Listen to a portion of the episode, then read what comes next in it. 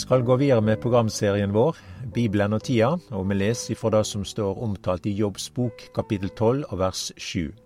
Her er det omtalt dette med å spørre fuglene og dyrene, og spørre jorda òg, og fiskene i havet. Og eh, vi gjør det da på denne måten at vi spør fisken. Eh, jeg leser dette verset her. Bare spør dyra, de skal lære deg. Spør fuglene under himmelen, de skal seie deg det eller tal til jorda hun skal lære deg, og fiskane i havet skal fortelje deg det. Kven skjønner ikke av alt dette, at det er Herrens Han som har skapt det, det er Han som har i si hand hver levende sjel og ånda i hver menneskekropp. Så gjør vi det på denne måten at vi spør fisken i havet.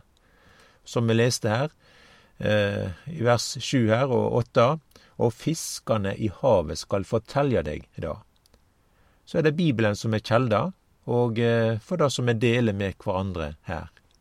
Og eh, vi har alt nevnt noe angående fisken i Bibelen, og det er mange fortellinger i Bibelen der fisken er omtalt. Vi kan òg lese at Gud fisker. Og Da kan vi lese her ifra Jeremias boke, kapittel 16 eh, vers 14. Sjå, difor skal eg komme dager, sier Herren, da det ikkje lenger vert sagt, så sant Herren lever, Han som førte Israelsbarna opp fra Egypterlandet. Men det skal verta sagt, så sant Herren lever, Han som førte Israelsbarna opp fra landet i nord, og fra alle de land som Han hadde drevet dei bort til, og jeg vil føre dei attende til landet deira, det som jeg gav fedrene deira. Sjå, jeg sender både til mange fiskere, sier Herren, og de skal fiske dei. Sidan sender eg både etter mange jegerar, og de skal jage de vekk for hvert fjell og hver haug og for bergskortane. Så dette er jo da ein av de mange fiskefortellingane i Bibelen, og temaet her er jødane, oss til Israel. Og det har vært ulike tider i Israels historie, og det som vi leste derifra profeten Jeremias. Det var den tida da jødene kom tilbakas fra fangenskapet og trellekårene der i Egypt og det skapte store overskrifter, og dette var tema i mange sammenheng på den tida. Og det var mange som fulgte dette dramaet på nært hold, og det var mange som skjønte hva som var i ferd med å skje, og det handla om at jødene kom tilbake til det landet Gud hadde gjeve deira fedre. Vi kan minnast den begivenheten når Israel sender speideren inn i Jeriko. Det er omtalt i Josva kapittel to, og la meg lese det ene verset her, vers 1. Josva, son åt Nun, sendte i løgn to speidere ifra Sittim og sa, Gå av stad og sjå dykk om i landet, og særlig i Jeriko. Det gikk du av stad og kom inn i huset til ei sjøkja som heter Rahab. Der overnatta dei. Og dette er jo ei dramatisk eh, skildring, for eh, det var jo kjent at Israel hadde sendt inn speidere, og så ble det da satt i gang leiting etter dei og kongen i Jeriko han sender da båd til Rahab. Og det står da sendte kongen i Jeriko båd til Rahab og sa, Før fram de mennene som kom til deg og tok inn i huset ditt. De er kommet for å speide ut landet. Men Rahab hun skjuler disse speiderne, så de vert ikke funnet. Og så sier hun da til speiderne, det er vers 9 i denne kapittel 2 hjå Josva, og hun sa til dei, Eg veit at Herren har gjeve dykk dette landet. Nå er det komne redsle for dykk over oss, alle som bor i landet skjelv av gru for dykk. Og dette sier da Rahab. Eg veit at Herren har gjeve dykk landet. Og dette er jo et vitnesbyrd om at dette her har vært tema blant folket. Og folket er da i otte for det Gud gjer, og at Herren har gjeve dei landet. Og Gud hadde jo sagt det for lenge siden til Abraham at folket vil jo være treler blant et fremmed folk. Og eh, det står i første Mosebok 15 og vers 13 Herren sa til Abraham Du skal vite for visst at etter de skal bu som framande i et land som ikke er deira. De skal trele for folket der, og de skal være undertrykte og plaga i 400 år. Og det er dette som da skjer. Ehm, og i forkant så har det jo da med at Jakob han, eh, og sønnen hans de havna jo i Egypten. Og her var det da velstand og harmoni så lenge Josef levde. Så kom det nye ledere i Egypt, og eh, de kjente ikke Josef. israelsfolket var treller fra egypterne da. Og så går det da i oppfyllelse det som er sagt til Abraham. Og Gud hadde sagt 400 år. Og når disse åra er gått, så begynner det å skje saker og ting. Og eh, vi får en Moses og den brennende klungebuska. Gud kaller en leder og et vitne, et verktøy, som skal fremme Guds sak blant egypterne og farao, og føre folket tilbake til fedrene sitt land. Det vart ei komplisert reise, men Herren han er tett på, han budde mellom sitt folk heile tida. Den første tida i Israel, da, så var det jo sett dommere i landet, og det var profeter blant folket. Samuel og Gideon og med flere, som talte da Herrens ord. Så vart det sånn der i Israel at folket ønsket en konge, og den første kongen het Saul.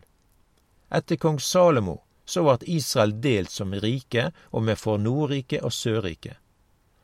Og Herren han sendte profeter. Hosea var sendt til Nordrike, Jesajas vart buende i Sørrike og Jerusalem. Så er det sånn at Israel blir teken. Først vart Nordriket og de ti stammer av folket tekne og bortført blant uh, asyrerne. Og noe seinere så vart Sørriket teke, og Gud uh, la israelsfolket i Nebukaneseren sine hender, og Jerusalem var tatt.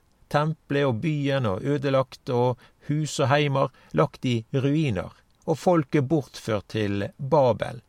Blant disse er Daniel og Esekiel.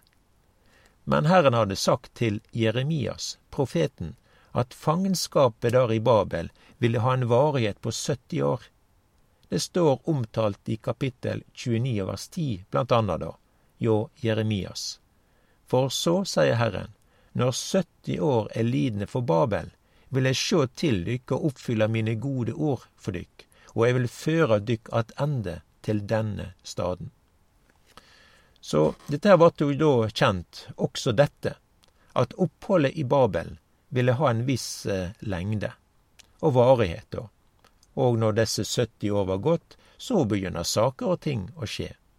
Her kommer det nye konger og nye riker, og det babylonske riket blir jo overtatt av perserne. Og her er det en konge som heter Kyros. Han legger alt til rette for at jødene kan reise tilbake til Juda og Jerusalem, men det er ikke så mange jøder som egentlig reiser. Det var i sånne puljevis. Det første tallet er på rundt 50 000 stykker. Og grunnene til at det var så få, og da skulle da reise tilbake, det betydde arbeid. Byen var ødelagt. Jerusalem og heimene og tempelet lå i grus. Men folket kom tilbake, og tempelet ble bygd på nytt. Seinere så kom jo da romerne og okkuperte Israel og Juda. Og det er inn i denne tida at Jesus kjem, eh, inn i tida da, og Betlehem. Eh, jødene er jo lite begeistra for romerne. At, eh, at de har makt, og at de styrer det meste. Så det var en del jødisk opprør. Og til sist så setter romerne strek og sende alle jødene ut av Juda og Jerusalem. Så så Jerusalem fikk jo et nytt navn. Det ble kalt for Alia Capitolina. Og sjølve Israel og landet ble omtalt som Palestina. Men hvor skulle jødene bo? Det var forbud mot jøder i Juda, og de ble spredte rundt om i land og kontinent. Bibelen taler om at de ble spredt der himmelen ender. Men det var ikke over for jødene og Israel. Det handler om at folket på nytt skal samles. Og eh, For det var ikke bare da at eh, jødene skulle spreies, men de skulle også på nytt samles i fedrene sitt land. Dette står jo flere plasser da, omtalt i Bibelen, Vi kan lese ifra 5. Mosebok, kapittel 30, vers 3. Da skal Herren din Gud gjøre ende på fangenskapet ditt og miskunne seg over deg. Han skal atter samle deg for alle de folk som Herren din Gud hadde spredt deg mellom. Enda om det er drevne bort dit himmelen ender, så skal Herren din Gud samle deg og hente deg der. Og Herren din Gud skal føre deg til det landet fedrene dine åtte, og du skal ta det i eie. Han skal gjøre vel mot deg og gjøre deg mer tallrik enn fedrene dine. Og det som vi nå har fortalt, det samsvarer med de ord som vi leste ifra profeten Jeremias. Vi leste da at det skal komme dager da folket ikke skal si at eh, jødene kom fra Egypten, eller at jødene kom tilbake oss til landet fra Babel, men folka skal si at jødene kjem tilbake oss fra alle de land som de er drevne bort til. Og da er vi i slutten på 1800-tallet, og i 1880 for eksempel, i den tida rundt omkring der da, så er det på nytt at det tek til med at jødene reiser til Israel. De kjøper land, de går i gang og dyrker områder, og de, jødene kjøper eiendommer. Og det er på denne måten du får kibbutzlivet i Israel. Og det var et verktøy for å bygge landet. Dette her er jo òg omtalt hjå profeten Jeremias, kapittel 32 av vers 44. Her er jo nær sagt kibbutzlivet omtalt. De skal kjøpe marker for penger og skrive kjøpebrev og sette segl på dei og ta vitne i Benjaminslandet og i landet ikring Jerusalem og byane i Juda, både i byane og fjellbygdene og byane i låglandet og byane i landet mot sør. For dei som er tekne til fange mellom dei, vil eg føre heim att, sier Herren. Og vi er jo en generasjon som ser dette i dag. Vi ser at israelsfolket samles i landet, og de kjem ifra alle de land rundt omkring i verden som de var spredte til. Og de samles i fedrene sitt land, og da som har iverksatt alt dette, er Herren sjølv. Og det er noe med at Gud han vaker over det han har sagt. Om det går ei lang tid, så det er ingenting som går i gløymeboka. Han vil fullføre sine løfter. Vi kan lese da at det det som er fastsett, vil verta fullført. Så Gud bruker òg forskjellige metoder for å få jødene heim til landet. Han jager dei, og så vert det også sendt ut jegere, som da er på leiting etter jøder. Og det er klart at når jødene har vært borte fra landet sitt i 2000 år, for så å vende tilbake til Israel, så er det noe som er veldig omfattende og det er bare Herren sjøl som kan få dette her til. Og i denne anledningen så sier da Herren at han vil fiske dei. Så Herren han kan bruke garnet, og det er veldig mange som kjem til landet med hjelp av et garn. Og det er mange som da kjem, i store grupper av emigranter. Og de buset seg på ulike plasser omkring i landet. Og så er det òg dette med stangfiske, at det kjem ein og ein. Men dei kjem.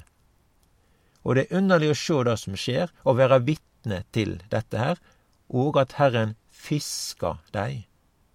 Det er jøden som er i folkehavet, skjulte blant kulturer og språk og religioner, men Herren fisker dei, den ene etter den andre. Israel er i dag en nasjon, og folket samles i landet, og det har vært på samme måte nær sagt som Noah når han hadde mange ulike dyr i arka, i båten sin. Og sånn er det òg med Israel, med mange nasjoner representerte av jøder i landet. Og det er underlig nok, så prater dette folket i dag hebraisk. Så det er jo litt artig uttrykk òg, som er brukt i denne anledningen av Herren, når han sier at han fisker deg. Og Herren veit hva fisken er. Og det står her i Jeremia-boka og i Jesajas, kapittel 49, sjå, dei kjem langt bortenfra, nokre fra nord og nokre fra vest og nokre fra Sinnims land. Og her i kapittel 43 så står det at vær ikkje redd, eg er med deg. Fra Austerlandet vil eg la de ett komme, og fra Vesterlandet vil eg samle deg. Eg vil seie til landet i nord, gjev deg hit, og til landet i sør, hold deg ikkje att, Lat sønnene mine komme langt bortenfra og døtrene mine fra enden av jorda. Og vi er augnevitne til det som skjer. Herren fisker dei, og det er på samme måte som du leser i Salme 8 av vers 9, der det står at fuglene under himmelen og fiskane i havet, alt som ferast på havsens stier. Det er noe som Herren veit og ser. Og på samme måte som Herren kjenner fiskens ferd i havet og dens stier, sånn kjenner også han jødens vei i folkehavet.